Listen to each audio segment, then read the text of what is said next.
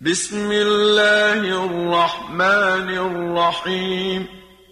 अल्लाह के नाम से शुरू जो बड़ा मेहरबान नहायत रहम वाला है